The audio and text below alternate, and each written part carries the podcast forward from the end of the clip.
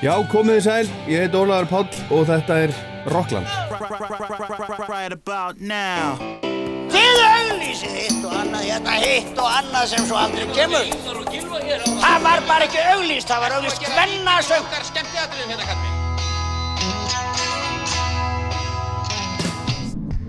Hvað gerir kvöld? Kíkja á tónleikana? Ekki? Það er ekki beint fyrir mig að vera innan um einhverja brjála úlinga. Hvað minnur þau?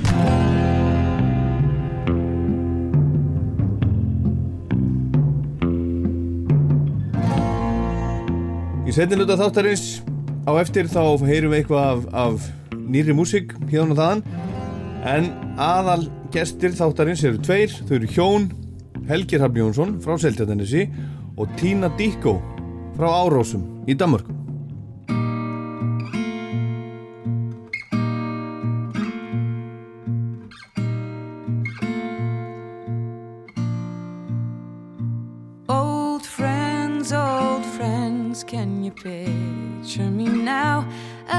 Walking Lagervägen in Reykjavik town? Can you hear the ocean and the city drown each other out? Old friends, old friends, is it too far away? And is it far too much to ask that our friendships won't change? Can you hear the voices of the kids we were before we flew out? We're gonna need each other someday again. I'm gonna need my brother and my old friends. We're gonna need each other someday for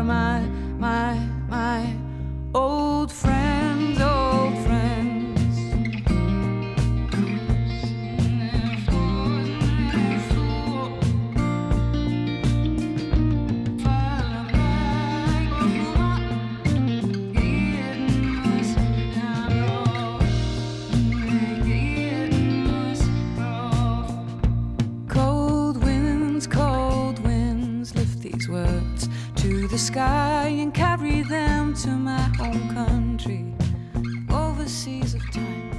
Þetta er danska tónlistakonan Tína Díkó sem er superstjarnar í heimalandinu, Danmörku. Hún hefur komið næstum öllum plötunum sínum í fyrsta sæti danska vinsaldalistans til dæmis og það eru rótnar 11 ef ég hef talið rétt. Hún túrar um allan heim og það er allstaða fullt og hún er að spila á stórum stöðum. Hún hefur um árabil líka stýrt sinni eigin plötuútgáfu, verið sinni eigin útgefandi, gefur plötunar sínar út sjálf, verið sinni eigin herra. Hún sendi síðast frá sér plötu í fyrra, plötuna Fastland en þetta lag sem við heyrum hérna heitir Old Friends og verður að finna á næst nýjustu plötunni Whispers sem kom úr 2014 og þannig er hún að syngja um gamla vini sem hún segist eiga eftir að þarnast fyrir það síðar þó svo hún hafi eld ástina til Íslands. Hún segir ég gleym ekki bróðum mínum eða gömlum vinum En það sem er helst að frétta af henni Tínu Díkó er að hún býr á Seltjarnanesinu með Helga Hrafni Jónssoni, manninu sínum og börnunum þeirra þremur og hún verður með tónleika í þjóðleikhúsinu fallega þriðjúdagskvöldi 15. november og þeir verða teknur upp fyrir Rástvö. En Tína Díkó er meðal þekktustu tónlistamanna Danmörkur og nýtur mikill af vinsalda og verðingar sem laga höfundur og sönguna. Hún hefur búið á Íslandi í tæpa 8 ár en enn sem komið er hafa ekki gefist mörg tækifæri til að sjá hana á sviði hérna á Íslandi. Í Danmörku og Þýskalandi fyllir hún stærstu tónleikahallir og tónleikatínu í þjóðleikursinu eru því kæri komið tækifæri til þess að upplifa hana í mikilli nánd. Hún er frábærlistamadur, ótrúlega sönguna og lagasmiður og það eru þau í raun bæði, hún og Helgi og hún verður á þessum tónleikum í þjóðleikursinu ásamt Helga og hljómsveitinu sinni, það eru satt Helgi, Dennis Algren og Marian Lewandowski sem bæði koma frá heimabæi tínu, Árásum, Orhus. Þetta er satt hljómsveitin hennar. Og þau Helgi og Tína ætla að vera með okkur í dag og spila og spjalla. Þau sátu með mér og Einari Sigursinni hljóðmanni í Studio 12 í vikunum sem leið. Ég er búin að vera að býða eftir þeim í talsverðan tíma eftir rétt að tækifærum til þess að plata þau í Rockland, svona í Studio 12 og Við byrjum á lægi sem ég baðu sérstaklega um að spila.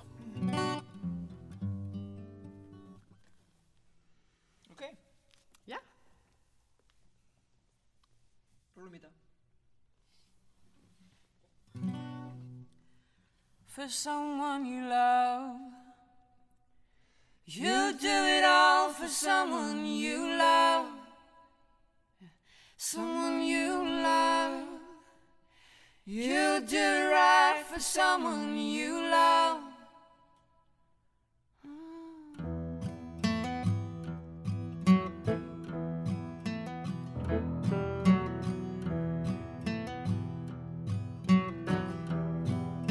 You came to me in peace.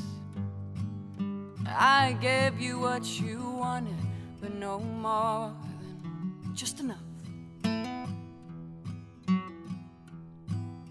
And now I'm on my knees.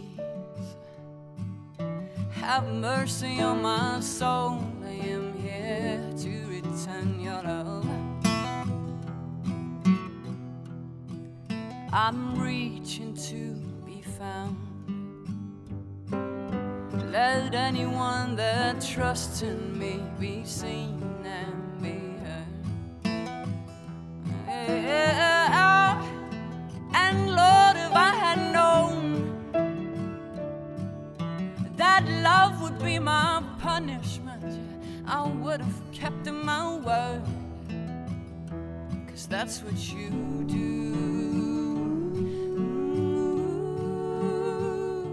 For someone you love, you do it all for someone you love For someone you love. You do right for someone you love.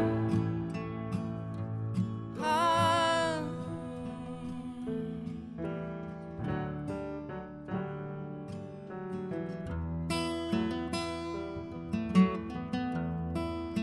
You came to me out of nothing. Your beauty almost killed me, and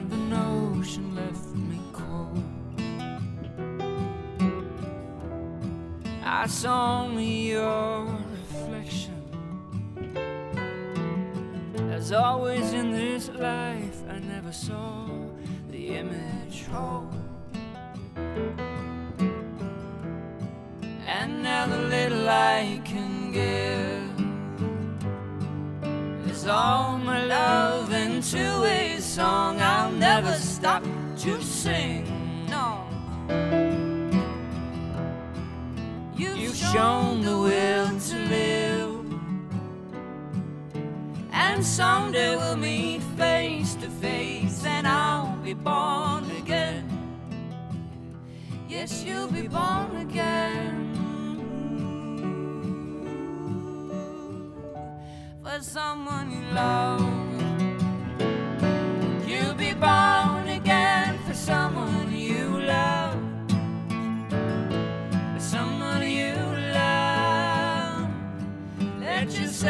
Born again for someone you love. Someone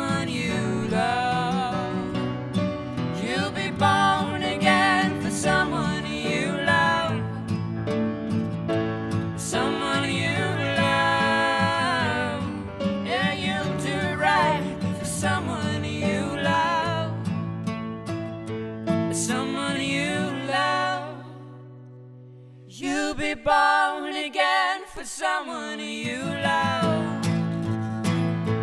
Someone you love. Yeah, you'll do right for someone you love.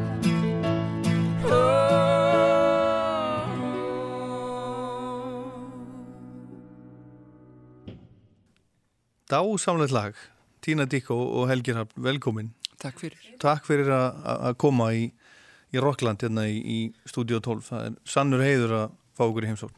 Það er heiður að vera hérna. Gaman. Og, og hérna flottlega, þetta flott, ég, ég baði sérstaklega um þetta lag, ég held mikið upp á þetta lag. Þetta er á, á blötunni sem að heitir Whispers og kom út árið 2000 og, og, og, og 14 um hvað ert að syngja Tína and you can, you can use whatever language Whatever language. you want Even the language of love, yeah. uh, which I suppose uh, is what this song is about. Uh, but the truth is that it was written for a film, actually. Aha, It is actually the title track for, Okay. uh, for a film called In du elsker. I know that it's also been shown in Iceland, aha actually. Um, so, So so I it's wrote a bunch not of- about you and Helgi well, it could be, Aha, but uh, but yeah, uh, I wrote and we wrote a handful of songs uh, for for this film.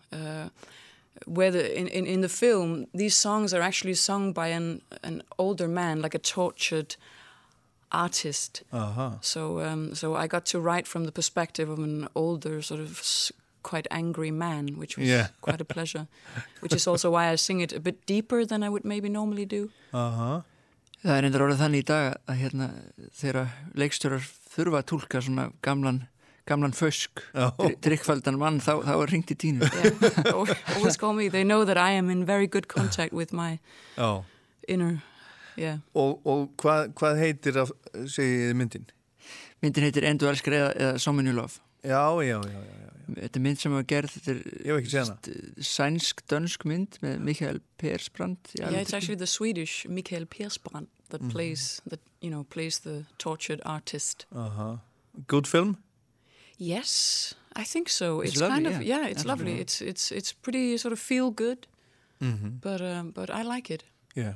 I, mean, I like him as well, Mikael Yeah. Persbrandt. He's he's just so amazing.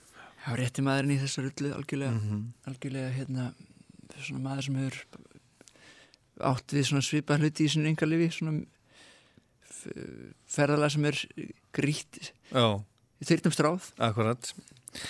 En hérna, þið ætla, þið ætla að spila fyrir okkur nokkur lög hérna í dag og svo ætlum við að spjalla saman. Ég er búin að, búin að býða lengi eftir að fá okkur heimsókn. Við tölum um þetta fyrir, fyrir löng, löngu síðan að, að, að þið, myndu, þið myndu koma hérna. Já. Og hérna, sko, Tína, þú ert, þú ert súperstjarna í Danmörku. People Allar- all- people know who I am. Yeah. allar plötunninar hafa náð fyrsta sæti á vinsallalistanum yeah. en hérna eh, ferð þú bara í bónus á Seltjarnanesinu og, og það veit enginn hver þú ert Yeah, and I love it. You love it It's amazing. Yeah, I really do appreciate that. I mean, I lived in London for many years and was completely anonymous. uh And I loved that as well, being small in the big city.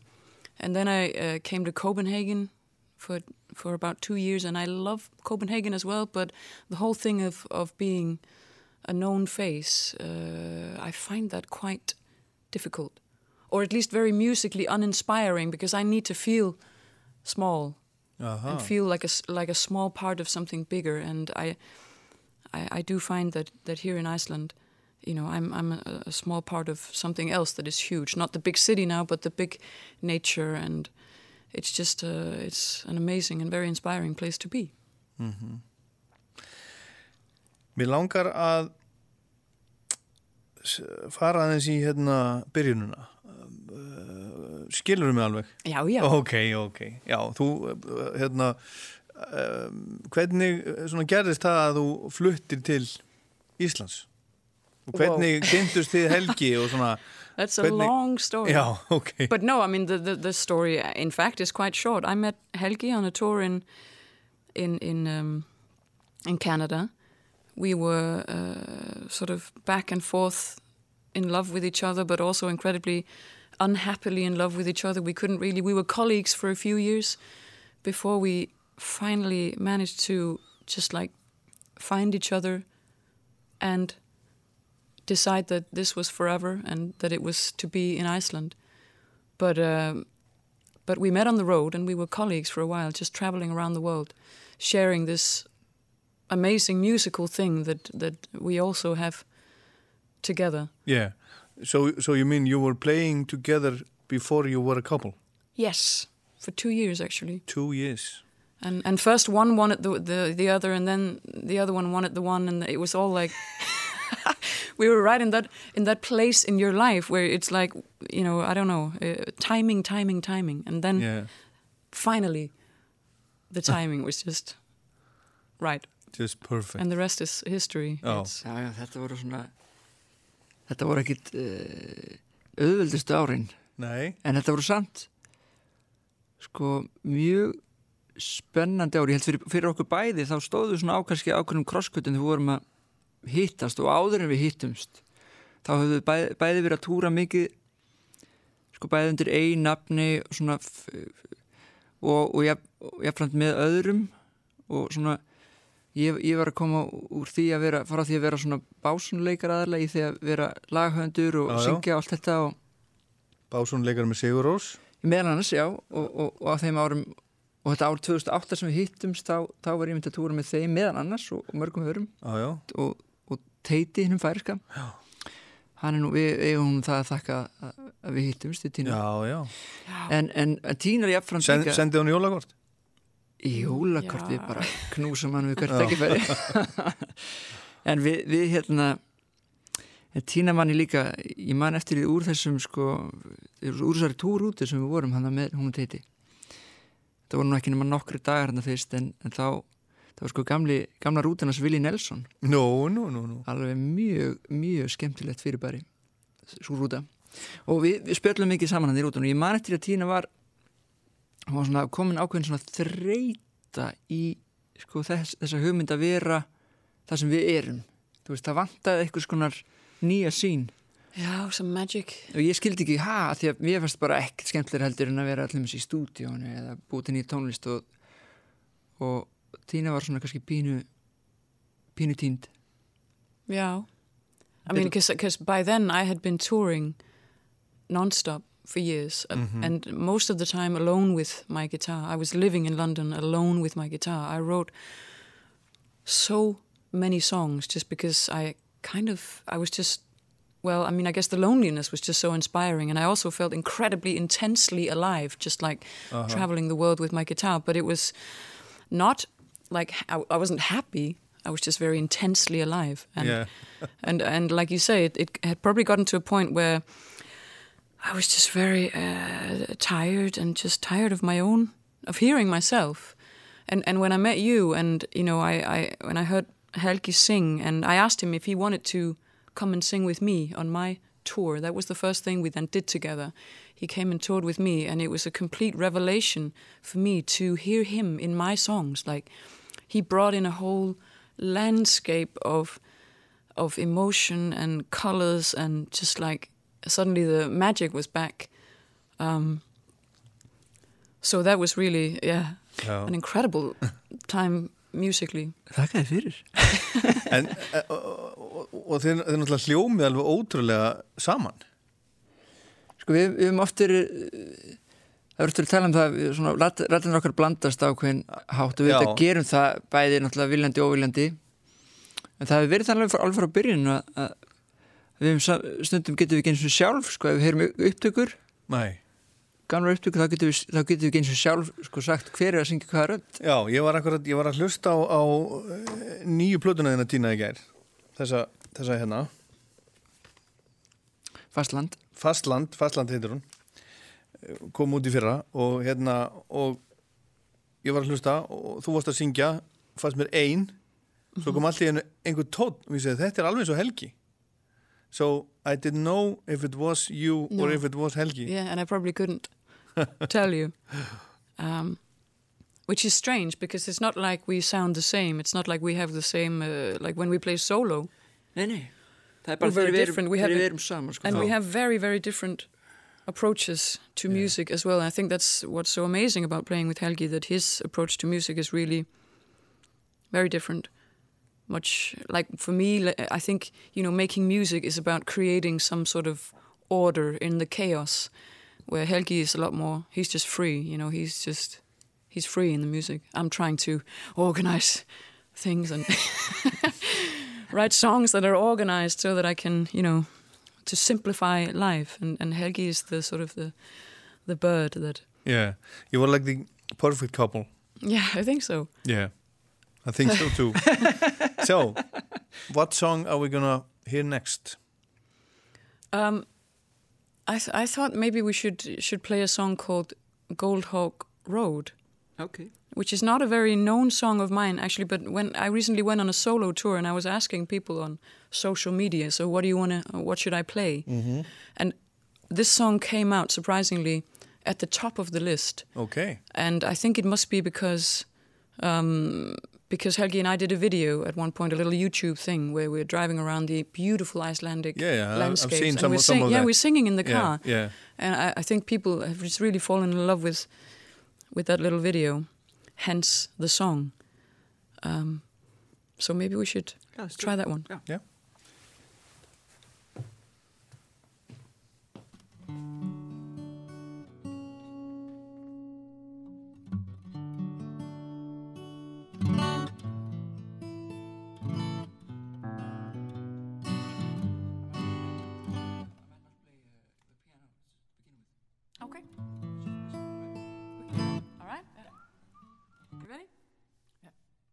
we are playing the piano?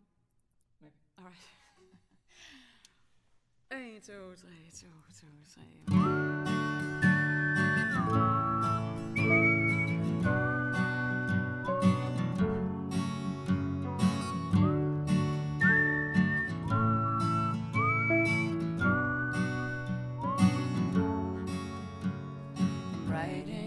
Letter to tell you I'm on my way. I'm coming home.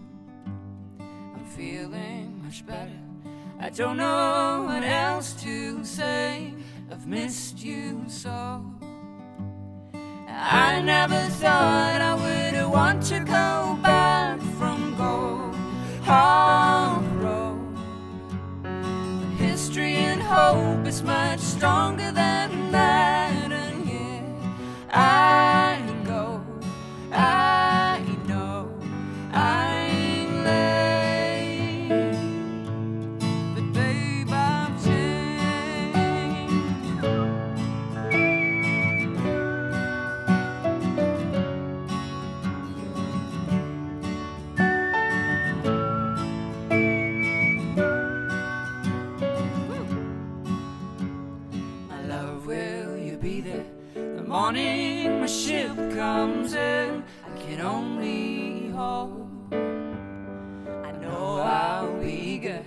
tell you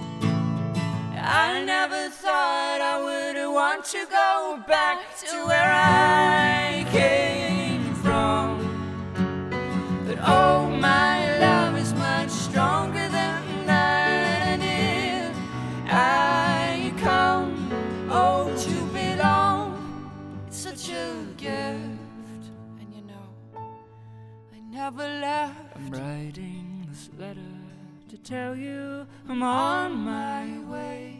I'm coming home. And nothing, nothing, nothing can get in my way. Babe, I've changed. Við líka forrættindi að fá, fá að sitja hérna, við erum hérna ég og, og Einar Sigursson hljóðmaður í stúdíu 12 í Rocklandi með Tínu Díko og, og Helga Hrafni Jónssoni uh, hvernig, hvernig leist þér uh, Tína á, á Ísland þegar þú komst hérna fyrst? Um, I can play you a song about it. What song in, is it? In a moment. It's a song called True North. Aha, At least those were my ideas. Like before I came to Iceland, this, those were sort of my thoughts about the country, and maybe you know, also for a little while, while I was here. Um, it's just like it's it is it is a little bit like landing on the moon. Obviously, Yes. like if you haven't. I didn't really know. I didn't. I hadn't been to Iceland before I met Helgi. Um, but it was a new kind of calm that hit me after a while. The kind of calm that I have never felt before, um, because it was like, you know, I- I I felt like um, I- I'm still I'm I'm where it's at. You know, I'm where it's happening, but it's still like the end of the it's like the end of the planet like i'm you Yeah. know fall out over the edge if we Yeah. sail too far into the horizon it's like but um so yeah i i it was really um love at almost first sight i would say Yeah. And also like my experience of of being here with Helgi, like suddenly I felt that I understood Helgi much better. Uh-huh. You know, we were traveling the world together, and and he he was always um, like even if I felt that we were definitely soulmates, I also felt that you know you were a bit weird. Er það helgi? Ertu, ertu Just like there was like a, there was like something, some layers that I couldn't really mirror somehow.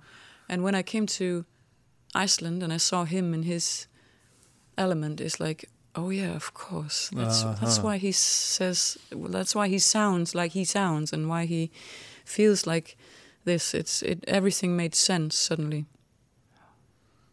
Ég, ég er náttúrulega ég er mjög heppin að hún vilji vera hérna Mhm. og það var algjörlega hennar hvað segja þú veist, kom frá Free will. henni já, og, og maður segja, hún kom hérna fyrst sko, í raun og verið til að vera í einhver tíma einhvern mánuða tíma, það var sko í byrjun januar Já, vá. þannig að þú veist eh, og það var alveg bara og enn þetta í dag sko, þá els, elskar Tína myrkrið Já. og, og þú veist bara Já. veturinn og allt svona sem við erum að hvert yfir Já. það er bara best í heimi þannig að Janúar á Íslandi, besti heimi. gæti ekki verið hefnari með það sko. Já.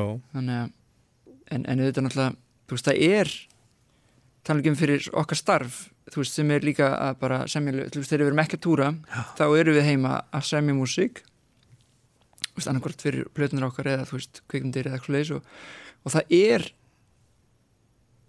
ákveði rými hérna fyrir svoleiðis Já. þú veist hugar vinnu Lítið sem, sem tröflar. Það er einhvern veginn, já, Yeah, and your eyes are always like going up, up, up. You know, it's like Já, þú veist, það er bara hvernig byrtan er, þú veist, það er bara hvernig veðrið er og, Já. og allir þessi kontrastar í öllu, þú veist, kontrastarinn á milli sumarsins og vetursins og þetta flæðir náttúrulega inn í alla sköpun og það Já. gerir það bara, það hljómar klísikent sko, en, og ég er reyndi að berjast á móti þessum mörgu ár, að það væri eitthvað sérstakt við Ísland sem að gera það verkum að tónlistin hérna væri eitthvað, ég sagði bara nei, þetta er bull, Mm þetta álfatal er bara bull, hætti þessu Já. en það er eitthvað Já. er eitthvað við það að vera hérna þú veist svona móti þessum e náttúru sko elementum við erum svo nakin gagvart þeim og, og þá fá, fáum við bara einhvers konar innspýtingu fyrir Já, já. Og veðrið náttúrulega hefur áhrif á hvernig okkur líður og það er alltaf að breytast. alltaf breyta Ég hef, hef oft sagt, ég get ekki búið það sem er, allt, það sem er bara sól, sko, alltaf, eins og Kaliforníu eða einhver staðar.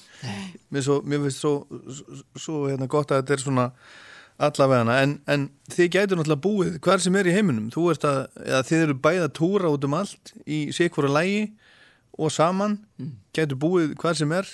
Já. Þú ert veðrið í Danmarku miklu betri en á Íslandi. Yeah, I do miss the, the Danish summer, I have to say. But um, but I don't know. I think this is just uh, it was really it was really a special moment when I when I came here, and you know because all, all of my life, all the way through my youth, I've been like having this feeling of I have to move on. I have to. Everything was temporary, you know. Always life on the road, new beds, new cities, new everything all the time. And I always thought, okay, tomorrow has to be even better than today. And just around the corner, there's got to be something.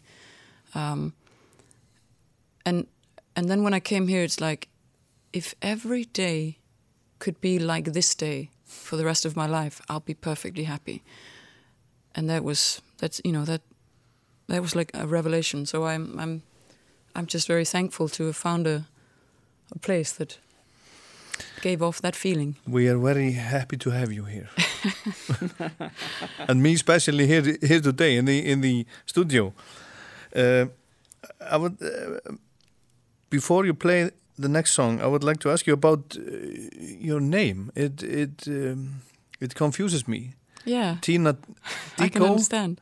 D-I-C-O and Oh, yeah. D-I-C-K-O.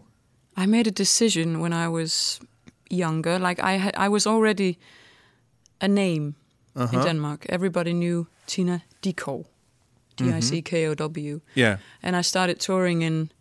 Uh, I started touring outside of Denmark, and I realized that in America, particularly, they were just not able to pronounce my name. They said Dick Cow, Di- Eh, you know, or Dyko, or something that was either way not.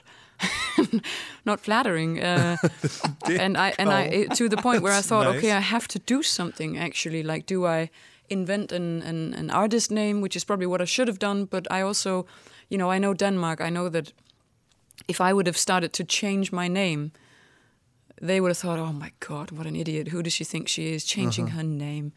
So, I, I, I just thought, okay, outside of Denmark or outside outside of Scandinavia, I'll just change the spelling ever so Yeah. slightly, which is pretty stupid, really, but nevertheless, that's how it's been. It it confuses things a, a little bit. Yeah, Yeah.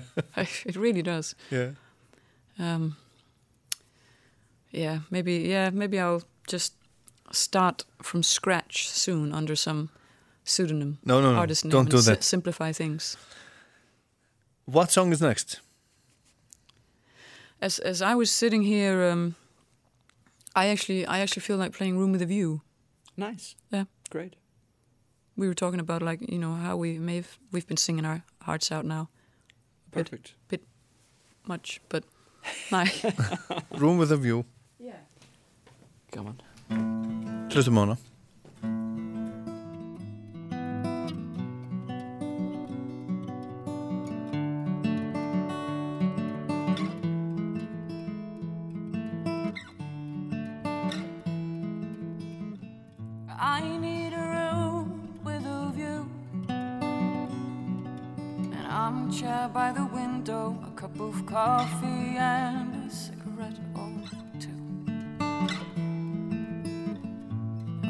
The sky turn from hazy gray to black.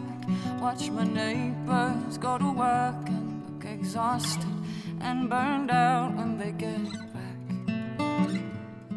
Thinking about you.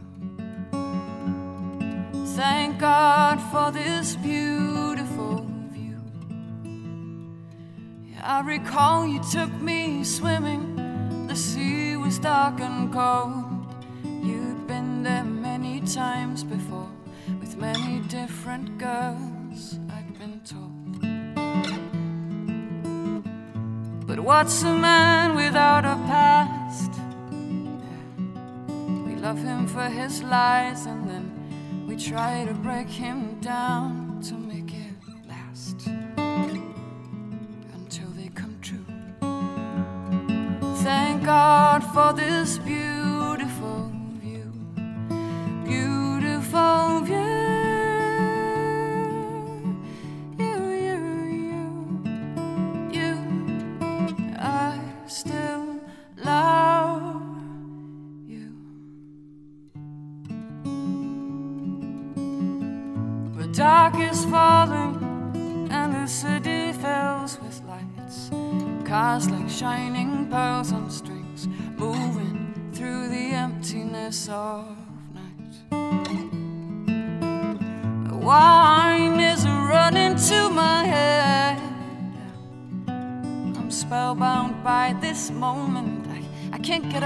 can't find the strength to go to bed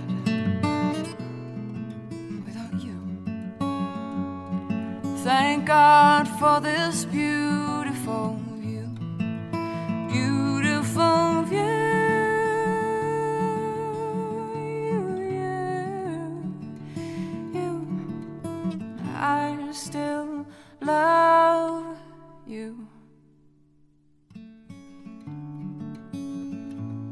But I've been blind, too blind to tell false from true. I've been so busy running, I never stopped to think where I was running to. But I've learned my lesson from the tears I've had to cry. that sometimes it helps to take your time to sit alone and watch the world go every day it's new. Thank God for this beautiful view. Yeah, every day it's new. Thank God for this beautiful view. Yeah. Thank God for this beautiful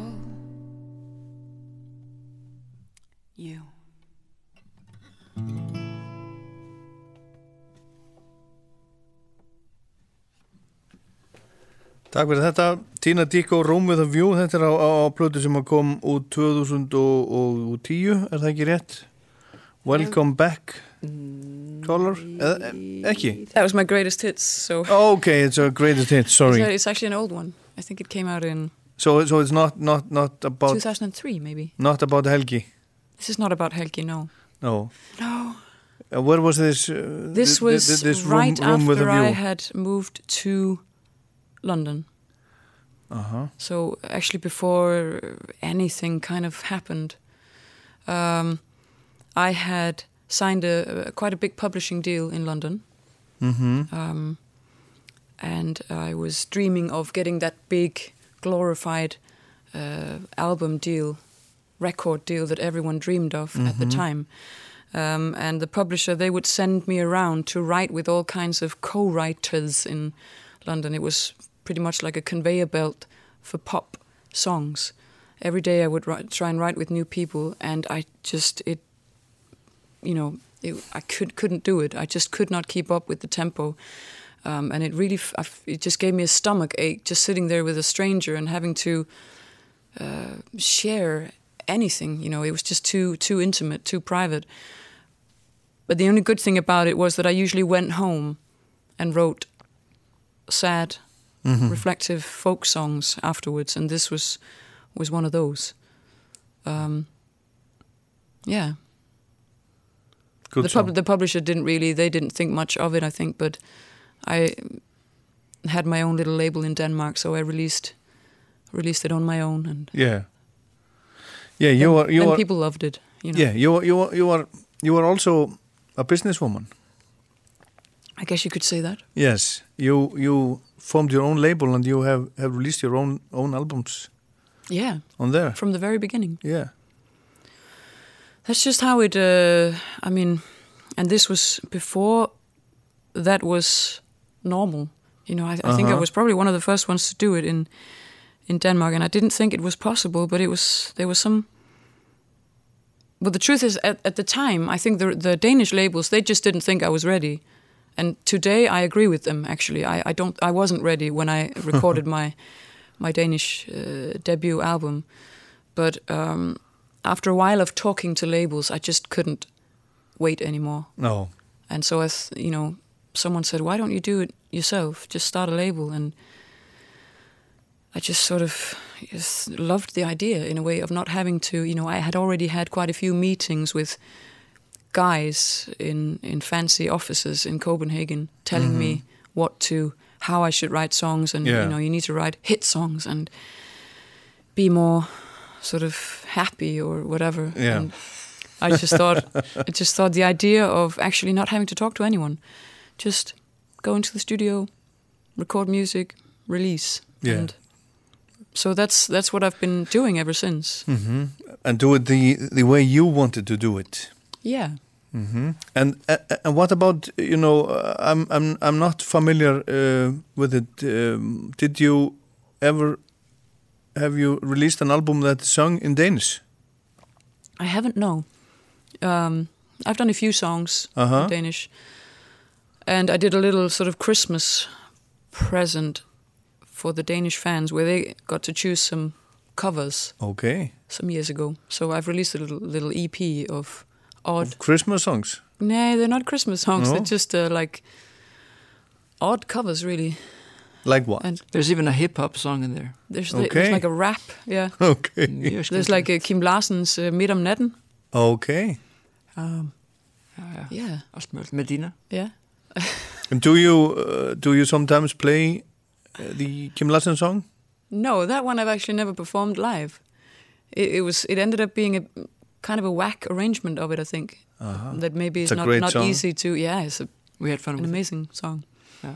Um, yeah, we had a lot of fun with it. It's fun to record Já, covers. Við, við erum hérna við náttúrulega við, erum mikið í stúdíu, við erum í stúdíu heima hjá okkur mm -hmm. hérna húsinu okkar er stúdíu og það er svona ímislegt sem að bara gerist þar sem að sem við erum og náttúrulega fullt af því náttúrulega kemur aldrei, lítur aldrei dagsins ljós mm og margt sem við erum bara að leika okkur með og, og þú veist, reyna að hafa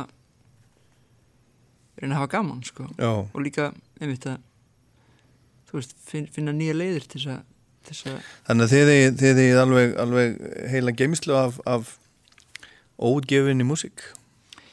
Þetta er ekki svona eins The og Archives. Þetta er ekki eins og Já. prins sko. Já, þetta er ekki eins og prins No, I think maybe maybe more so you, Helgi, because for me, I I find that I release what I like. I don't finish anything unless, unless I know that I Uh-huh. wanna I see I wanna release it. Actually, um, I I stop myself very early on if I feel like this doesn't have a a space in in my sort of body of mm. work. Við erum álegum með náttúrulega að Tína er mjög texta miður lagahöndur og þú veist það þarf að vera svona réttlæting á, á sko músikinni í, það þarf að vera komið eitthvað einhver hugmynd. Hugmynd að texta eða allan að koncept af sko umfyllanefni eitthvað svo liðis er hann vera áður en að músikin fyrir að stað. Já, meðan mér er það akkurat auðvögt já, ég er þegar búin að segja mér alla tónlistina kannski heila blötu já. þá fyrir svona að byrja, já, ég þarf að vist að segja. Já, segi eitthvað segja eitthvað já. Já, merkilegt. En hérna, sko, þið eru, þið eru þið búið saman, þið eru giftið ekki? Jú. Jú. og hérna þið eigið saman þrjú börn og þið eru alltaf að vinna saman spila saman, ferðast saman. Rífist einhvern tímann? Jú, veist þannig fyrir þreymur árum. Fyrir þremur árum, einu sinni? Yeah, we can definitely argue Við erum bara eins og and and and and, er perhaps actually perhaps mostly when it comes to music. Right? I mean yeah. because we do i mean i would say most of the collaboration it it, it goes really well because we like each other's ideas. But we are um, of course very passionate and very specific about what we do and what we like. And sometimes it can be really painful and incredibly annoying if the other one doesn't agree. Sér ekki sko galdurinn kannski sem að, sem að, Já, sem að já, já. en það er, nú, það er nú bara eiginlega orðið betra með árum sko að við erum verið kannski eða ekki? No i don't Nei, think so. kannski ekki, nei. Sjáum fyrir að rífast í byrjun en sko málið er að við erum bara svo upptíkjana, við höfum bara ekki orku til að standa í rifrildi sko. Nei. það er bara engin orka eftir. Þegar dagurinn er búinn, það, eða, þú veist, það er bara en ég held að sum, sum hjón síðan nú að rífast þó það hafi enga orku í það sko. Ég held að sé nú allur gangur að því já. Þannig að þeir eru bara svona heppin, þeir eru bara svona í, í, Sko, það í En það sem er ekki hjá okkur, það sem er, vil kannski oft verða, sérstaklega hjá listafólki sem eru pör, það er það, veist, það, þá kemur ykkur svona samkeppni. Já, er ekkert svoleiðis hjá ykkur Við hefum, allan ekki ennþá, það er einhvern veginn ekki, ég til dæmis reyndar er, er ekki með svona þetta keppniskap, sko. Ég er ekki með það, veist, mér er bara nokk sama. Veist, Mér finnst rosalega gaman, ég er með, þú veist, metna fyrir því að- gera, reyna að gera vel í músikinu þannig og mér finnst gaman að vera á sviði. Mér er svo nákvæmlega sama hvort að þú veist, ég sel, þú veist, hundra plötur eða, eða þúsund, skil, það skiptir ekki nokkur máli. Um, þannig að þú veist, það er Og ekki heldur, þú veist, hvort þú sért uh, að spila með tínu eða þitt, þín lög eða með einhverjum öðrum? Nei, ég, veist, það er áslega gaman að spila eigin tónlist, auðvitað en ég nýt þess alveg jafn mikið að vera, þú veist mm -hmm, eins og hvað kallar sideman mm hjá henni. En svo er hún but i also think that you probably you do get a lot of you know that you are very respected auðvitað, ég fæ blómstra hva, ég my blómstra fans þar, like sko, it's að- been you know helgi's been there for for over 10 years now. Uh, at most of my shows unless i'm solo then helgi's there and the, you've become a part of their lives as well Já, þetta er óða óða huglegt hugulegt hug, huglikt Hyggligt. yeah. Herðu, hvaða hérna Hvað er að heyra, heyra næst? Hvad synes du? Ég bara, ég er ofin mér öllu Hva, Hvað voru við hérna En af din? Við getum gert það True North, en af dine, eller Careful People, eller... Við getum gert True North og svo í Þú veist Mhm. Do you want to do Careful People or should we do Blindfolded or Careful People? We can do Blindfolded. Is that better? I have no idea.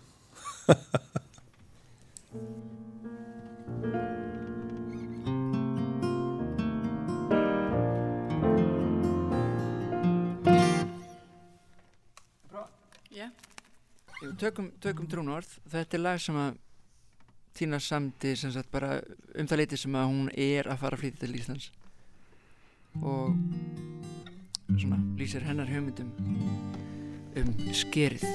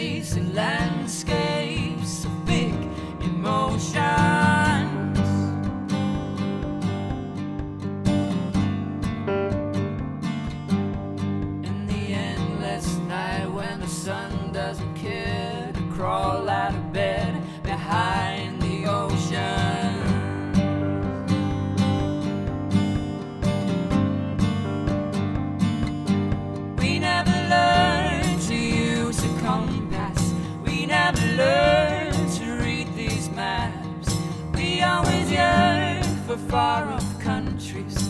We never found a straight way back, and it's a miracle. It's a miracle. We found true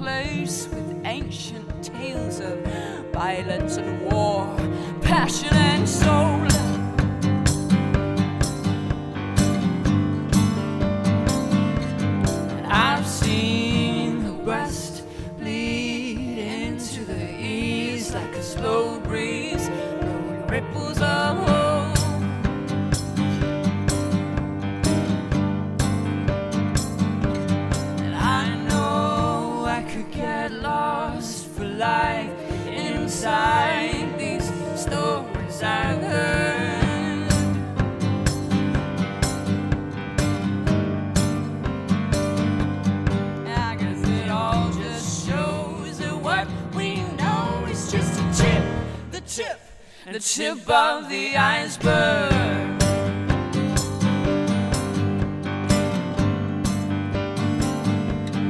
We never learned to use a compass. We never learned to read these maps.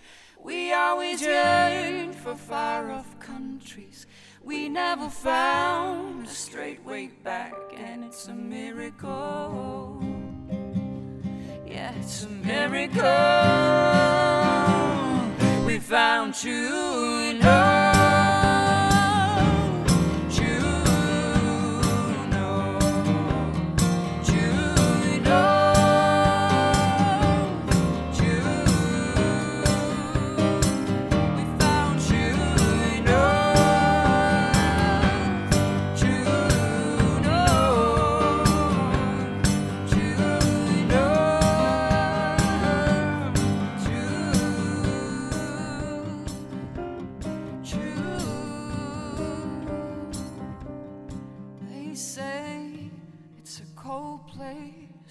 icy and gray with a wind that cuts through marrow and bone.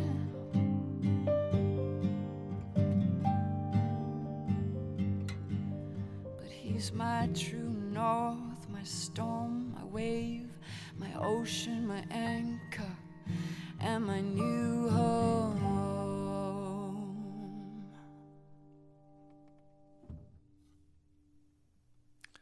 Frábært, takk fyrir þetta. Helgi Hrafn Jónsson og, og Tína Dikko hérna í Rocklandi í, í uh, Studio 12 og lag sem að heitir, heitir True North sem að Tína samti þegar hún var, þegar hún var ný, nýflött nýflött eða ekki?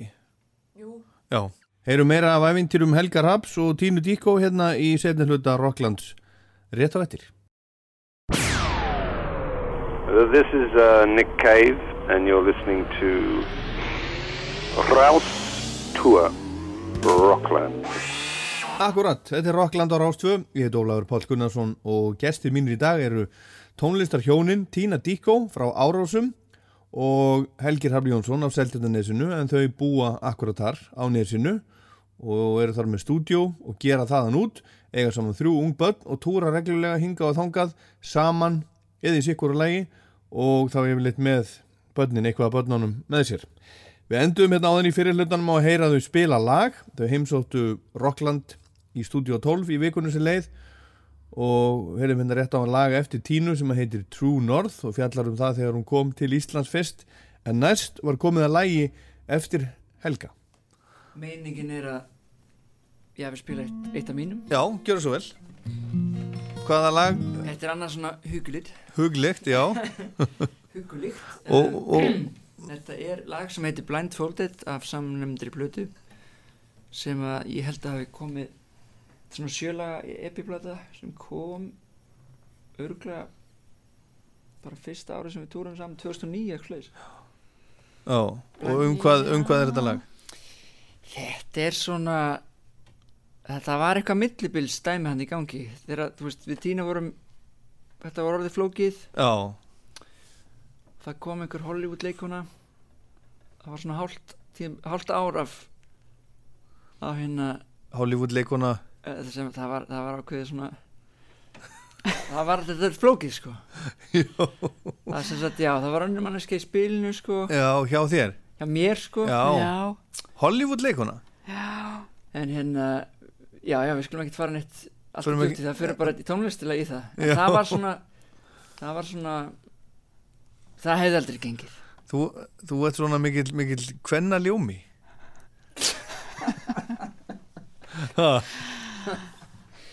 nei. Heyrðu, já, já, við skulum bara heyra lagið. Og það heitir, segiru, það heitir Blindfolded. Blindfolded. Já já já. Blindfolded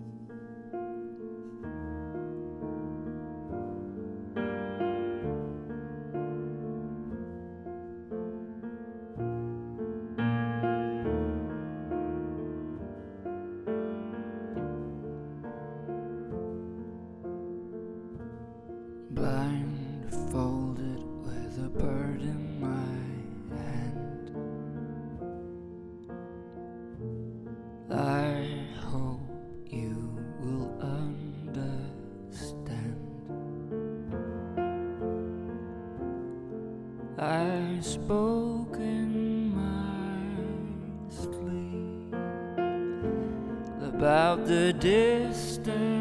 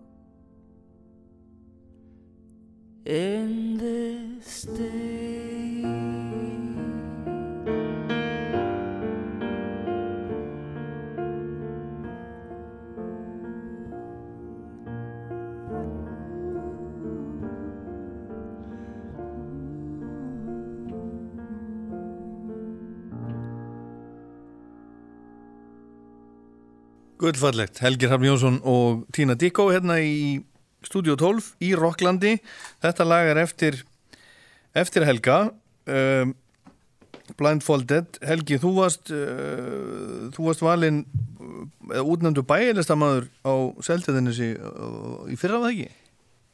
Er, það Eða var það það var vera? 2015 sko. Á 2015? Á 2015, Vonar að ég heilin á mér eitthvað orðin skrítin í læginu Tíminn líður bara svo 2015, já. Já. Og, og hvernig hérna hvernig, hvernig upplifum við það? Það var bara mjög gaman. Já, Það var rosalega mikill heiður já, og rosalega gaman. Þú veist, ég, einhvern veginn, ég hef ekkert verið mikið að fá velun eða þannig. En uh, en ég fannst þetta svona notaleg Já, þetta var, rosa, huggulegt. þetta var rosa gaman Þetta var náttúrulega, þú veist, svona klappa bakið og Já, eins og maður segir um, fyrir það bara mér er skemmtilegt að þetta fyrirbæri sé til og þú veist, þetta er náttúrulega ekki bara á seltjarnir þetta er í já börgum bæjarfélögum. Mm hefur verið að sem sagt, svona hvað ég segja beina kastljósinu að einhverjum einum listamanni á ári. Já, og og ég náttúrulega bæjarlista maður, ég sá svona fyrir mér mann sem stendur við hafið við hatt og horfir svona hafið. Já Er ekki er helgi sem starrar á hafið? Já, Já. en svona, og þú veist, fólk keirir fram hjá, þú veist, á nesinu og svona keirir, betur, hver, hver er hver er sem hann? Já Þetta er já En þú ert náttúrulega, náttúrulega alin upp á Já, og býrð þar í dag búin þar, sko, með já. tínu, Já. með stúdíóið Já, já, Þú vorst í tónlistaskólan á Seltjarnesi já, ég var svona í löp Já, þú, segja, sko. þú, og þú svona getur svolítið þakkað uh, tónlistaskólanum þitt því, þín æfintýri Heil og, mikið, og fyrir tínu líka. Sko. heil mikið, já. Án tónlistaskólans á Seltjarnesi hefur ekki kynst tínu. Exactly. Alveg örgulega ekki, ég var líka svo feimin, sko, sem krakki. Já, Ég var svo feimin að ég var sko kallað hnúturinn í fjölskyldinu og tónlistan svona eiginlega reyði mig upp úr því. Já, já, Þannig að, já, Hnúturinn? Hnúturinn. Já, Ég, ég, ég, ég, sko, ég satt í kerru kom ykkur ókunnur. Já, það bara fór höfuð svona ofan í eða klofið að mér. Já, og ég svona var það svona einhverju, einhverjum hnút. Já, já. og uh, aðja, en, en hérna já, tónlistin, hún náttúrulega tónlist er svo mögnu, sko, hún er með svo mikið bara, hún er með svo mikið mátt þú veist, að, að snerta við fólki og, og opna á alls konar dyr og, og við erum svo við erum svo, sko, við höfum svo mikið forrættindi við sem störfum við tónlist. Og líka mig, hvað ég segja, við, við höfum svo mikið hlutverk. Í því að þú veist uh, bara er snerta við fólki og, og hérna reyna að færa því einhvers konar fegurð eða gleri eða eitthvað þannig. Og hérna þannig að já.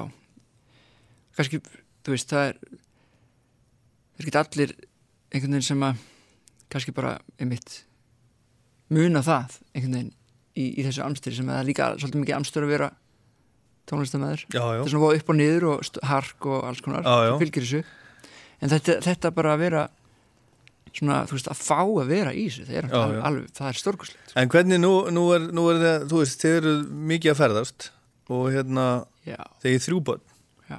hvernig passar þetta við fjölskyldulífið? How does it mix having all these, all these children, three children Yeah. and be touring constantly and I know. would say that that the logistics side of it is enormous. Like the logistics of having everyone in the right place at the right time, making sure that everyone is happy. Um, but the only the one thing that makes it work for us is grandparents.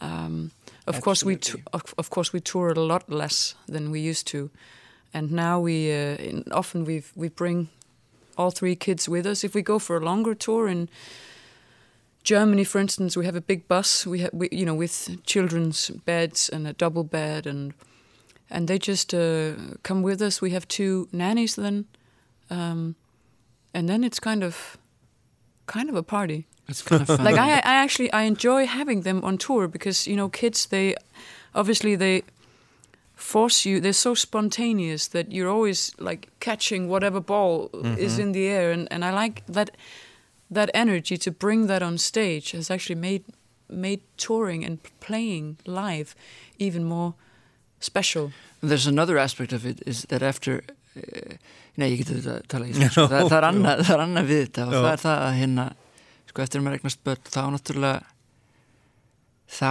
þetta sko partistand á túrunum það bara, þú veist, það hætti bara. Meira og minna, gengur ekkert. Maður, hef, maður hefur bara minni áhuga á því og þú veist, það er einhvern veginn og þá sko verður til einhver ný orka líka bara fyrir músikina, það er svo magna að maður eiginlega fattar, já, heyrðu, þú veist, ef maður er drukkin, þú veist, fram á nótt þá er maður ekkert eitthvað sérlega hress í samtekinu og þú veist, Mhm. það tekur svo miklu orku sko. þannig að það sem að auðvitað náttúrulega líka þú veist, það er ákveðin breyting en þú veist, það er alltaf að tala um að þú veist, börnin sko takir svo miklu orku og allir séu bara, þú veist, sofa ekki neitt og séu alltaf búinur að því. En svona á, á sko tónleikaferðuleganum þá, þá gerist eitthvað líka nýtt sko, því að það, það verður svona mörgliti þú veist, það er bara meiri þá fókus á but also just the fact that the two hours that we get on stage that's actually suddenly it's the easiest part of the day somehow. Yeah, yeah, like yeah. you know during the day we might be like scouting around for playgrounds uh, and for the right things to eat or, or whatever and then you know come the show then then uh, you know you have two hours where you don't have to worry about diapers yeah, and- there's and- someone else taking care of that. exactly. It's like this is my space Yeah, now. yeah, i can yeah. just sink into this. En uh, but but, but with, the, with, ferðalög with the touring, otherwise uh, we just um, sometimes just go for very short trips. We only play two or three shows Uh-huh. in a row, and then they can stay with Helgi's parents. And we have an equally uh, solid base with my parents, and so if we're touring in Denmark, we always just live with them.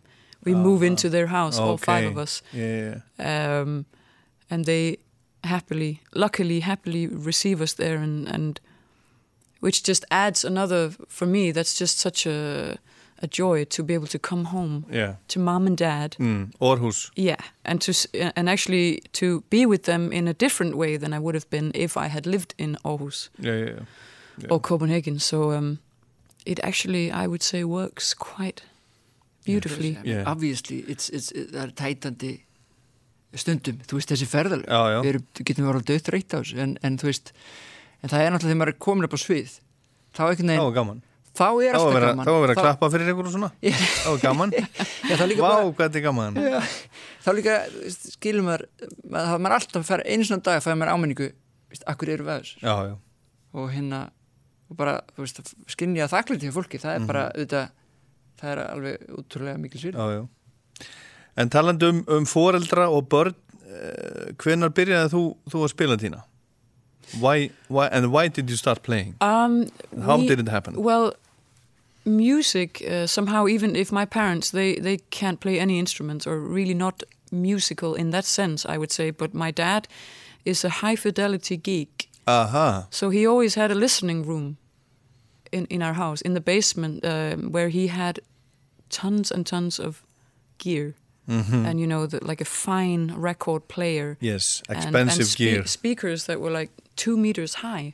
Aha, Um, and it was all very, you know, I could immediately tell that this is something very special. You know, he was so passionate about it, and he would sit me down on the couch. I had to sit like not not two centimeters too far No, to the no, left no, or to the right. You know, Yeah. right in the middle, and uh, and we would listen to recordings. Like, can you hear how these people? They're in the room. It's as if they are right here. And Mm-hmm. he was just he's so fascinated with with the, the the technology of recording, which to me at the time was just like, I don't, I don't know what you're talking about. You know, I, when I was a little girl, but um, some of the music that he played me, and that was more like the '60s '60s singer songwriter stuff that maybe was not so well recorded. That was what I liked to listen to. The songs, Like know, what? Bob Dylan yeah, um, Joan Baez, uh, Pete, Paul, and Mary, Uh-huh. Joan Armatrading. Uh, yeah, uh, Pete Seeger. It was it, it was uh, that was kind of what Donovan, um, what pulled me in, and there was a piano in the room, and I started playing the piano and writing little songs. At first, about and and, and I, I I think it must have been around Live Aid in '85. You know when the the Mm. How old were you then? well, I was eight, seven Ah. or eight, and and um, TVs were o- overflowing with hungry uh, children, Mm-hmm. you know, with flies on them, and it was just like I just couldn't contain it. It was just you know too unfair and unjust, and I started writing little songs about that, which gradually turned into more of, of like diaries about what was going on in my young teenage life Mm-hmm. and it was like a diary. It was just for me. I had no intention of ever sharing it with anyone um, until I got a boyfriend that convinced me that we should start a band and play my songs. And he's still on stage with me today as well. really? Yeah, like when we play with the quartet, it's it's him. Like we've played together since we were fifteen. Okay, Um, He's a very special through through thick and thin, really. musician. Yeah. Dennis. Yeah, and and he he had only one dream in his life, and that was to be a musician. And um, I guess he, I before him, I didn't know it was possible. I didn't know any artists or anyone that had jobs that were outside of, um, you know, a carpenter and a nurse, mm-hmm. maybe a doctor. Mm-hmm. But um, so I, I sort of followed. I was studying religion, actually, the science of religion at university for a while, and I thought, okay, I'm gonna give this music a chance for a few years, get it out of my system, then I can go back to doing something sensible and normal. But then, um, once I was on that path, there was just no way back, and that's when I moved to London and, tr- you know, started the label and just tried to try to make it big. Yeah, and you you were you were you were uh, uh, still on a trial. Yeah, Yeah. I guess so. I can always always go back. Okay, um, is there time for uh, next song? Sure. Yeah. Absolutely. And do you know which song you're gonna do now? No. No? We actually, um, þegar við vorum að tala um, þú veist, hvað hérna, hvað, hvað við ættum að spila, þú veist. Það er einhver, Tína er búin að vera að vinna að þessum solotúruna, hann hún skrifaði niður, þú veist, svona nokkuð þegar öll laun sem eru eitthvað 140 lög eða eitthvað og þú veist, við hugsaðum, það er gaman einhver daginn, setja bara í gang einhvers konar Facebook streymi, Mhm. setja bara við tvö, spila allt rastlið. Það myndi taka 8 klukkutíma eða eitthvað. Probably, at least. Það er gaman. No. En hvað hefur við að gera núna? Not eight hours, but Sjáum hvað gerist.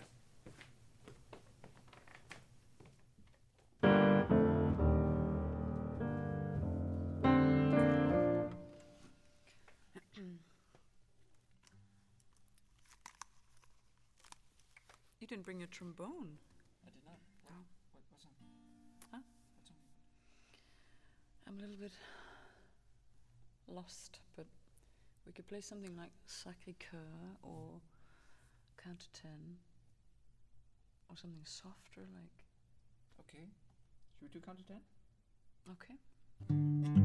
Jeg tror lige, vi skal stemme her igen.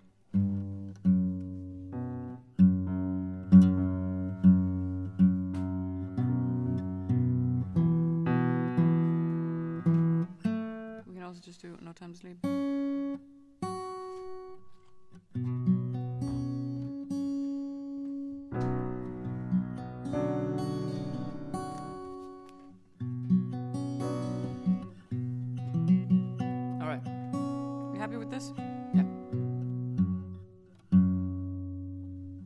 A song about me be, being sort of on the verge of going mad.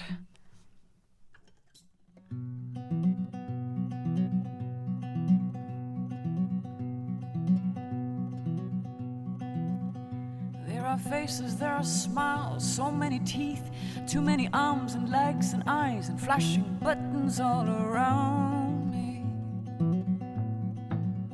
I'm watching, I'm breathing, I'm pushing, I'm wishing that these walls would not be talking quite so loudly.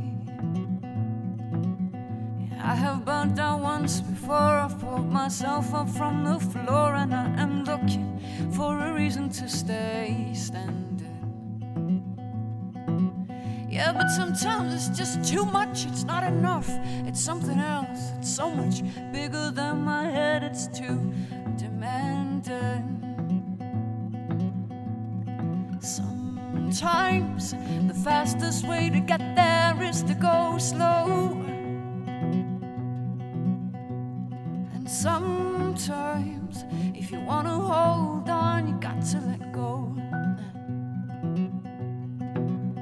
I'm gonna close my eyes and count to ten. Yeah, I'm gonna close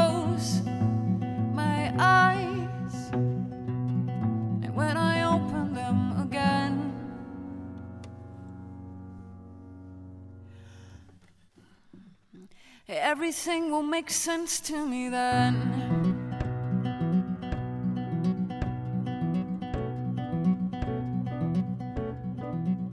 I have met so many people, we've exchanged so many words, we've said it all, and we've said nothing, but it's changed us.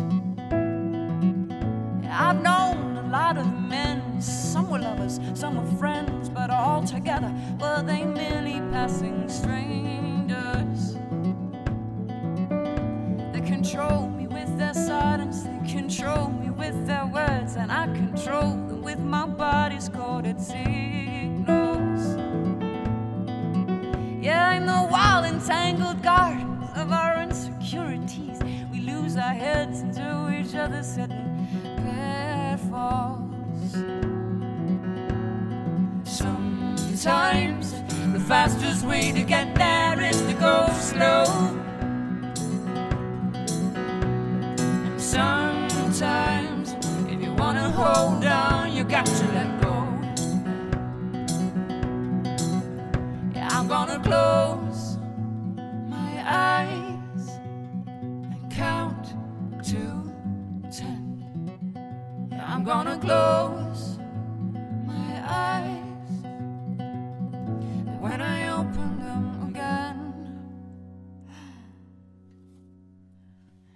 everything will make sense to me then. eyes.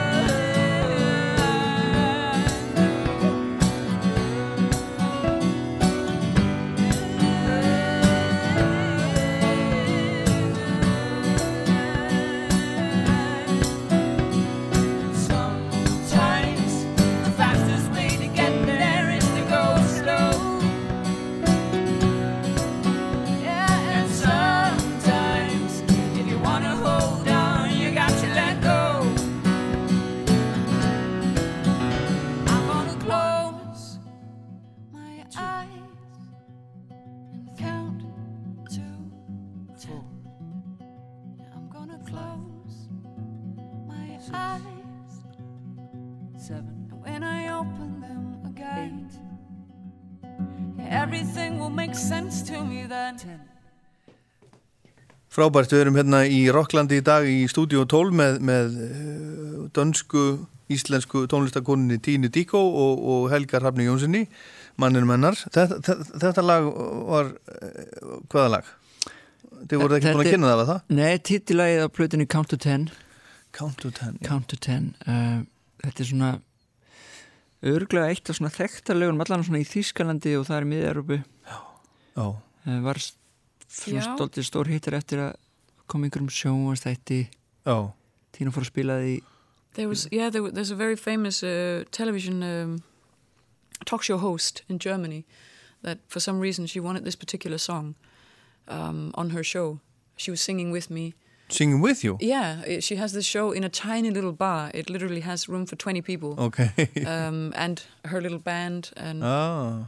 so th- this particular song um, kind of blew up a little bit. Yeah. And And you have, have, have some, some um, fan base in Germany especially, yeah, isn't it? yeah. Why do you think Germans like you so much?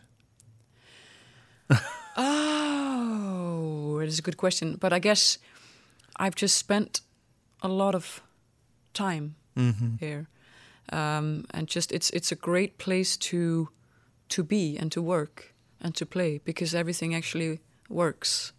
Um, I'd been playing so much in in the UK and in the US. Obviously, that's where everyone goes.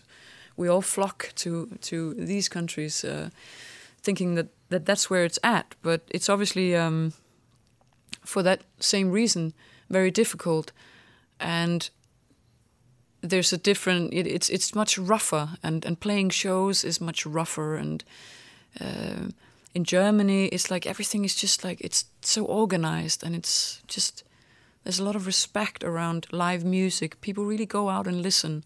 Um, some of I would say some of my most sort of dedicated listening audiences are German, and surprisingly, the ones that are the most interested in the lyrics. Like why, when I give in, interviews in Germany, it's often very deep. Mm-hmm. Like when you write this, what do you mean? Like, uh, what's the philosophy behind this kind of? Mm-hmm. Um, so yeah, I've really enjoyed playing there, and and um, I guess that's why the audience Yeah, is. yeah. And and you don't speak German. You you do. Genau Why do you speak German? Ég, ég, ég hérna bjó og lærði í Östuríki Já. bjó þar í 8 ár Já. Það er alveg langt síðan sko Vist, Ég kláraði námið 2004 flytti heim 2007 Já, já. Þannig að Að þú varst svona lengi þar, já. Já, ég var hérna í 8 ár Já. og þá læri maður þýskuna sko Hún er eitthvað svolítið öðru hérna fyrir sunnan Já. En uh, Yeah, our, our German audiences they find it quite hilarious when you speak German. Já They, Why, they, why, is, why is að that? því It's just að ég tala austurískuna sko Já, já, já. Þeim finnst það alltaf fyndi Ég ger náttúrulega svolítið í því líka já. Komandi frá Íslandi. like a thick dialect. Já, Já. En aftur, en að þessu ræðir Count to Ten, þá má kannski minnast á eitt sem er svolítið fyndið Það er lagið sem að sko þessi texti, með fólk lætur tattúera á sig Já. það finnst mér, sko, mér finnst það mjög skriðin tilhjóðsinn að fólk bara yfirleitt gerir það, en, en það eru sko, þú veist, það eru það eru mörgu hundruð sem hafa látið sko, tattúra sometimes the fastest way to get there is to go slow og sumir miklu meira sko við, við hittum konum daginn sem var sko She has the whole thing, the whole lyric. allir líkaminnar er bara Í alvöru. er þessi lagið texti And how, how does that feel? To have someone, to have someone tattooed with your lyrics? Well, it, I mean, I it, it's it's beautiful that that she feels so strongly about these words. Um, of course, I am always worried that uh, that she's going to change her mind, and that's sort of going to reflect badly on our relationship because she's going to get mad at me for like having my words on her or what I don't know. There's there's some weird like I I feel some responsibility to then not disappoint her. Does that sound? en bara skilur, Strange. þú veist, ég meina ég er bara hugmyndir skilur og láta setja svona álíkam sinn Já, já. sko, þú veist, ég meina hvernig til þess velum að bara stafa gerðina þú veist, Já. hvernig gerum við það? The font Já. Já. you choose good font You gotta choose a good font. you gotta do it Já, maður, maður er alltaf, að- alltaf lífið náttúrulega er endalust, maður er alltaf að vera eitthvað að velja en, en uh, Tína, hérna þú er ekki sungið mikið á dönsku Nei, hafa, hafa Danir aldrei, aldrei fyrir það? they've certainly often asked Uh-huh. why uh, why that is, and um, I can only say that English has always been my poetic language. I, I always listened to Americana music when I was younger, and um, having tried, you know, now I've I've I've written some in Danish, and it is a completely different. Uh, it's just a completely different expression. English is really good for anything that is a bit sort of flowy and you know you can be much more layered and say things indirectly and nuanced where the mm-hmm. Danish language is much more square fewer words. So when you say something it's really in your face. So it's really it's great for some things and I find that now when I've I've sort of started toying with the idea of of making an album in Danish, uh, but I find that when I write in Danish, then suddenly I don't want to.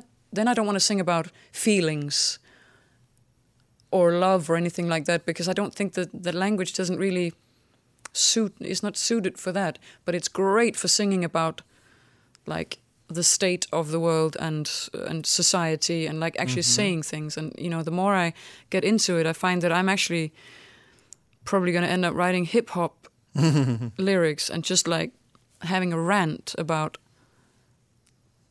serious stuff and sort of working myself up and getting good angry and excited. Já, oh. it's a completely different world somehow. já en, en, en, en fylgistu með, með stjórnmálum í Danmarku? Stu- Politics? Yes. Do, you, do you follow Danish politics? I do a lot. Mm-hmm. Well, I mean, yeah, I, I, I actually, um, I think Denmark is doing really well at the moment. Like the the, the, the, the whole sort of climate of, of politics, and you know how the situation is is looking quite grim in so many places, and there seems to be like a sort of a downward dark spiral that is quite scary.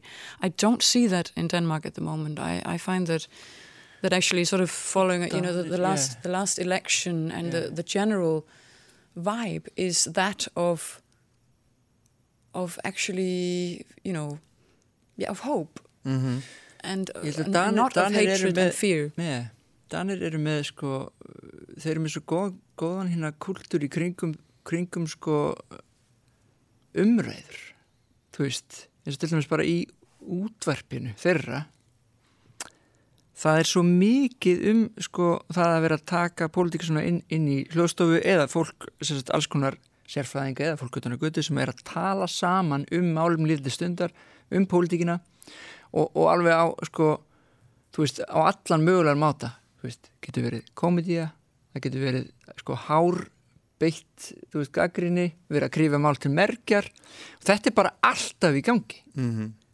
sko, og fólk getur hlusta á þetta í útvarpinu, það getur fegið þetta sem podcast. Og þetta eru, það er miklu stærri hluti fólks í Danmörku held ég sem að hefur þarlenda áhuga og aðgang að þessu. Og þetta er miklu hotlara fyrir sko pólitíska umhverfið vera í bara svona stöðuri stöðum pælingum hreinsun, þú veist Yeah, and I'm I'm not sure I understand exactly what you're saying, but but I think what what Denmark uh, ha, has been has not been afraid of talking about problems. Also, at a time where it was not normal to talk about certain problems, and where it was like uh, felt kind of whoa, that's that's rough to say that, but things have always been like aired out and sort of tidied up along the way, so that it's not like um, there, there's not been a huge like lack of communication. Everything's been talked about somehow. Um, I think that's been very healthy. Uh, we, we've sort of we've we've not drowned in in political correctness Já, just yet. you já, know. ok Nú er ég að velta fyrir mér hvort að við getum fengið eitt lag á dönsku Yeah. Is that possible? Of course. Er, er þið múlíkt? Ja. Helgi, ætlar þú með? Ég, ég veit ekki. Sjá til. Er ég með? Er það hvað skil? Det kommer an på, om jeg skal lave fugleflugt eller, Uh, eller ud Aarhus. fugleflugt, det er fantastisk. Ja. Men skulle vi ikke næsten slutte med The Road? Ja. Så, så er de sådan måske lidt...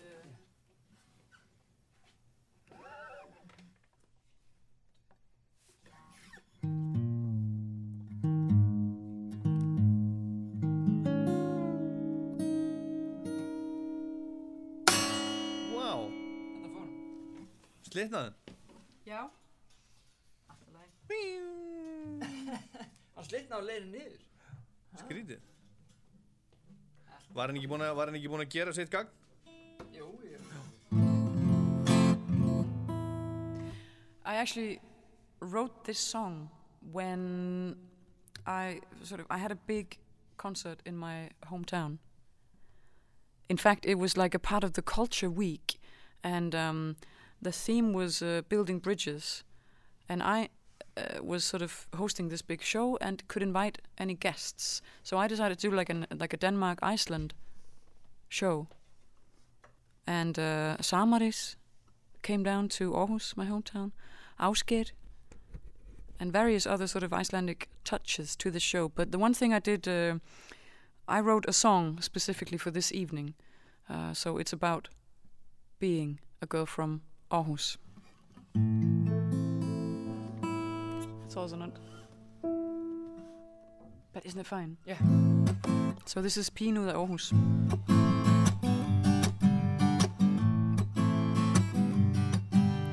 Alle skal hen et sted Alle kommer fra noget og har et landskab med indeni Af minder steder Stemninger og nostalgi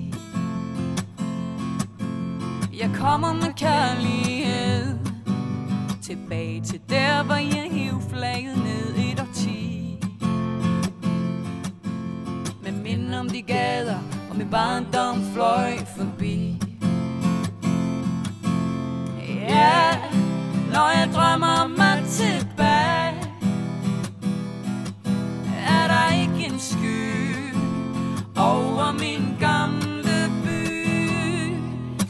Du tage pigen ud af Aarhus Med din drøm om at blive fri.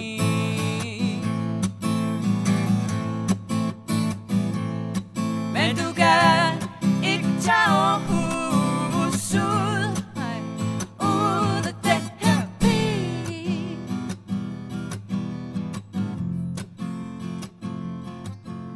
Nå, hvad er det så Aarhus har?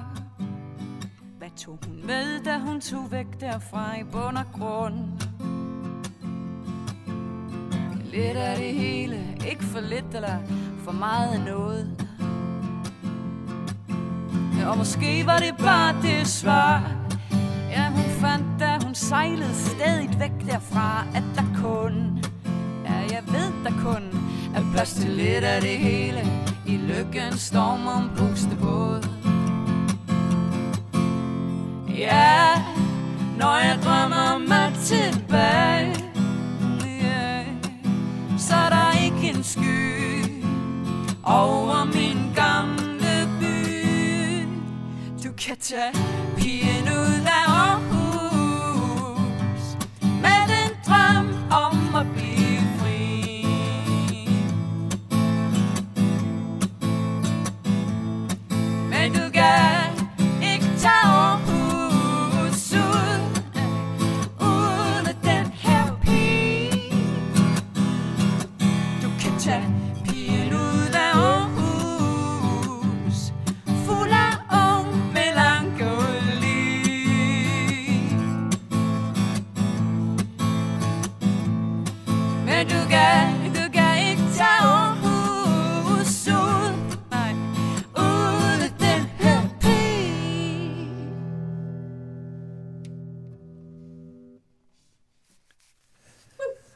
Frábært Tína, Tína Díko frá, frá Orhus og Helgi Rafn Jónsson frá, frá Seldjarnanesi hérna í Rocklandi í, í uh, stúdjói, stúdjói 12. Eitla eftir hérna á eftir en, en uh, nú er Tína, þú ert að, þú ert að fara til, til Danmörkur núna bara Já. á morgun. Já. Spila. Mhm. Tíu tónleika. Ah, bara fjögur núna. Fjóri núna. Fjórir. Og svo kemur þau heim. Já. Svo fyrir aftur út. Yeah, it's a bit back and forth right now. Já. Og eru, eru tónleikarnir í þjóðleikúsinu þegar þetta er búið? No. Þeir It's eru in, in a inn, little, inn á milli? in a break, yeah. Já, já, já. Og, en, en þú verður, þú ert ein á öllum þessum tónleikum í Danmarku, ekki? Jú. En þú ertu með hljómsveitina þína? Já. Og það er Helgi, that, that's Helgi. gamli kærastinn? Yeah, Dennis. and then and then a girl on uh, drums Já, and singing, já. Mariana. Uh, yeah, it's just I, I these are the Frábær people that I hljómsveit. love, love to play with the most. Frábær hljómsveit. Já. Já. Og ætlar að hafa eitthvað af, af börnunum með? Já, ég held það. Þau geta komið um að hafa. Já. The, the, the, the two big ones are old enough to Nei, ég sit meina through a show. á oh, on, túrin. on stage. Á Or túrin? on mine. Já. Yeah, I take uh, one every time. they take turns. And alveg, já, ok, eh, ekki alltaf, ekki alltaf sama barnið. no, they take turns in, in, in coming along. Og ertu þá með einhverja, einhverja svona badfóstru uh, líka eða? eða yeah, I mean, on, a Danish tour like this, uh, they just uh, choose whether they want to come to the show or they want to stay uh, with my parents for the Uh-huh. evening. Aha. You know, I always just come back after the show. Já. The country is that small. Eru, e- eru fóreldraðinir alltaf með þér í Danmarku? Uh, well, they live in, in Aarhus. Yeah, yeah, I mean, but, But to uh, the shows? uh, no, yes, when you are touring Denmark, are they always with you? They're just at home, and we just come. We go out from there Já, já, já, já. most of the time. It's re- that's possible, you know, to Uh-huh. leave leave early afternoon and then just come Oh. back after the show. Mhm. So that's really um, that's that's really comfortable touring. I would say I love that. Mm-hmm. Ætlaði eignast fleiri börn? Alveg pottjett. Hvað séð Tína? No, I think um, I think we have enough really on our on our plates. Þetta er mjög fínt með þrjú kríli sko. Hann var nú að fara í fyrsta pianotíman áðan sko, hann, hann Emil. Já, sem, sem, sem Sá er elsti. elstur. Já, Mjög spennandi. Já. já, Við erum svo spennt að heyra hvernig gekk sko. já. Ætlaði að búa áfram á Seldirninesi? Eða er það flytja til Danmark? There's there are certainly no plans. No. Also for the kids, this is just such a great place. Mhm. It's unbelievable, really, that it's. Yeah, I just it's it's amazing. Já. Og stúdíóið, það gengur vel. Það, það, eru, það eru fleiri að vinni því heldur en þið. Í raun og veru ekki sko. Við Nú ekki? Einstakar sinnum bara, þú veist, hafa vinir okkar komið og þú veist, verið í stittir lengri tíma. Já. Damien Rice tók upp tölun hlut af sinni síðustu plötu þar. Um, En þeir eru ekkert að leia stúdíóð út, nei, ekki nei, við erum ekkert að reka eh, svona, þú veist, Nei. commercial studio sem maður segir. Mhm. Við erum ekki því. En það er bara, þetta er þetta rosalega luxus og hefur gert okkur kleift að, að gera jafn mikið við höfum gert, þráttur að, þú veist, vera með börnin og allt þetta. Þú veist, við höfum getað skotist niður, skotist niður á kvöldin og svona, Mhm. til að vinna. Já. Það er bara, Luxus. Mm, do some laundry on the way On the way to the to studio. the studio. Yeah. Yeah. Herðu, það er eitt lag eftir. Er, eru þið búin að ákveða ákveða allir að enda? Já, er það ekki? Já. The Road. já, endilega, The Road. tökum það, það er svo fallið. Það er svo fallið texti líka. Herðu, Tína Díkó og Helgi Rafn Jónsson Takk kærlega fyrir komuna í Rockland Það var sannur heiður að Fyrir. fá, fá ykkur loksins og búið að vera dásalegt að setja hérna Bara Já, miklu með fremur, ykkur. Og, og ég hlakka til að sjá ykkur í þjóðleikúsinu Gaman að koma, takk fyrir. Takk fyrir það. All right. But wait, I have to uh, drop D.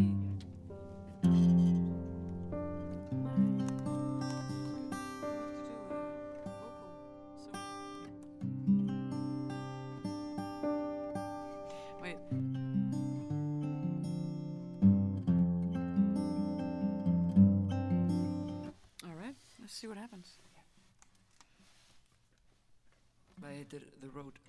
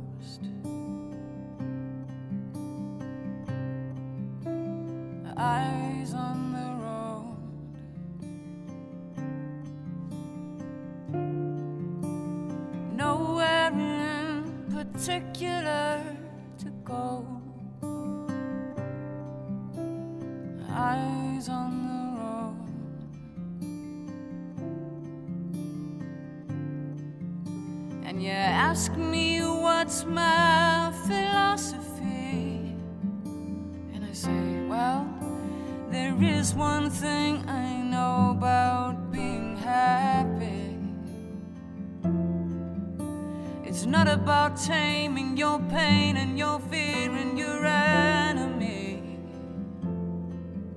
You gotta let them all loose and surrender to life's uncertainty. Eyes on the road.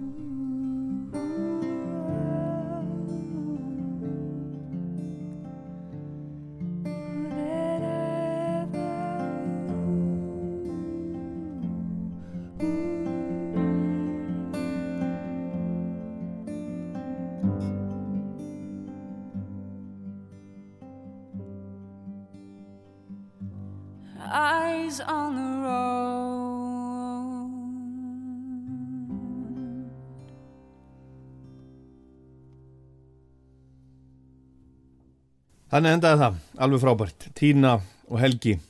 Í Rocklandi í stúdíu 12 núni í vikunni verða í þjóðleikúsinu 15. november og þeir tónleikar verða teknir upp fyrir Rástvö.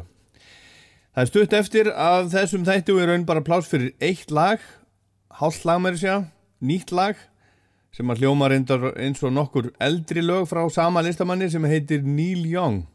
Hann sendi í vikunni frá sér nýja plötu sem ég ætlaði að reynda að fjalla dálitu um í þessum þætti en við látum það býða næsta þáttar. Heyrum bara eitt lag af plötunni sem heitir Colorado og þetta er fyrsta platan sem Neil gerir með hljómsveitinni Crazy Horse síðan 2012. Hann er gáð plötuna Psychedelic Pill en hann er búin að spila með þessar hljómsveit í halva öld. Gerði fyrst plötu með Crazy Horse 1969. Colorado sem er tekin upp í Colorado, hátt upp í Klettafjöllunum er 30. og 9. platan hans. Hann er útgáðu brjálaður, bara eins og Bubbi Mortens. Og þarna á Colorado er hann að syngja um móður jörð og ruttaskapin sem við mannfólkið sínum henni endalaust. Hann segir að við stöndum frammi fyrir stóri loftslags ógn sem ríkistjórnir hunsi og hann syngur um lofslagsmálin á með meðal annars í læginu sem við endum Rocklandið á í dag. Það heitir She Showed Me Love og þar syngur hann You might say I'm an old white guy. You might say that. Og bæti svo við I have seen old white guys trying to kill mother nature. Ég minni á að Rockland er út um allt, podcast á iTunes og Spotify til dæmis, svo er Rockland á Rú.is og í Rúf appinu spilarannum og svo mæli ég líka með Rockland mælir með lagalistanum á Spotify sem ég uppfæri í byrjun hvers mánadar. Hún er hægt að fylgja með því að velja hjartað. En þetta var Rockland, ég er Dólar Páll, hér er Neil Young, takk fyrir að hlusta. Might say I'm an old white guy. I'm an old white guy.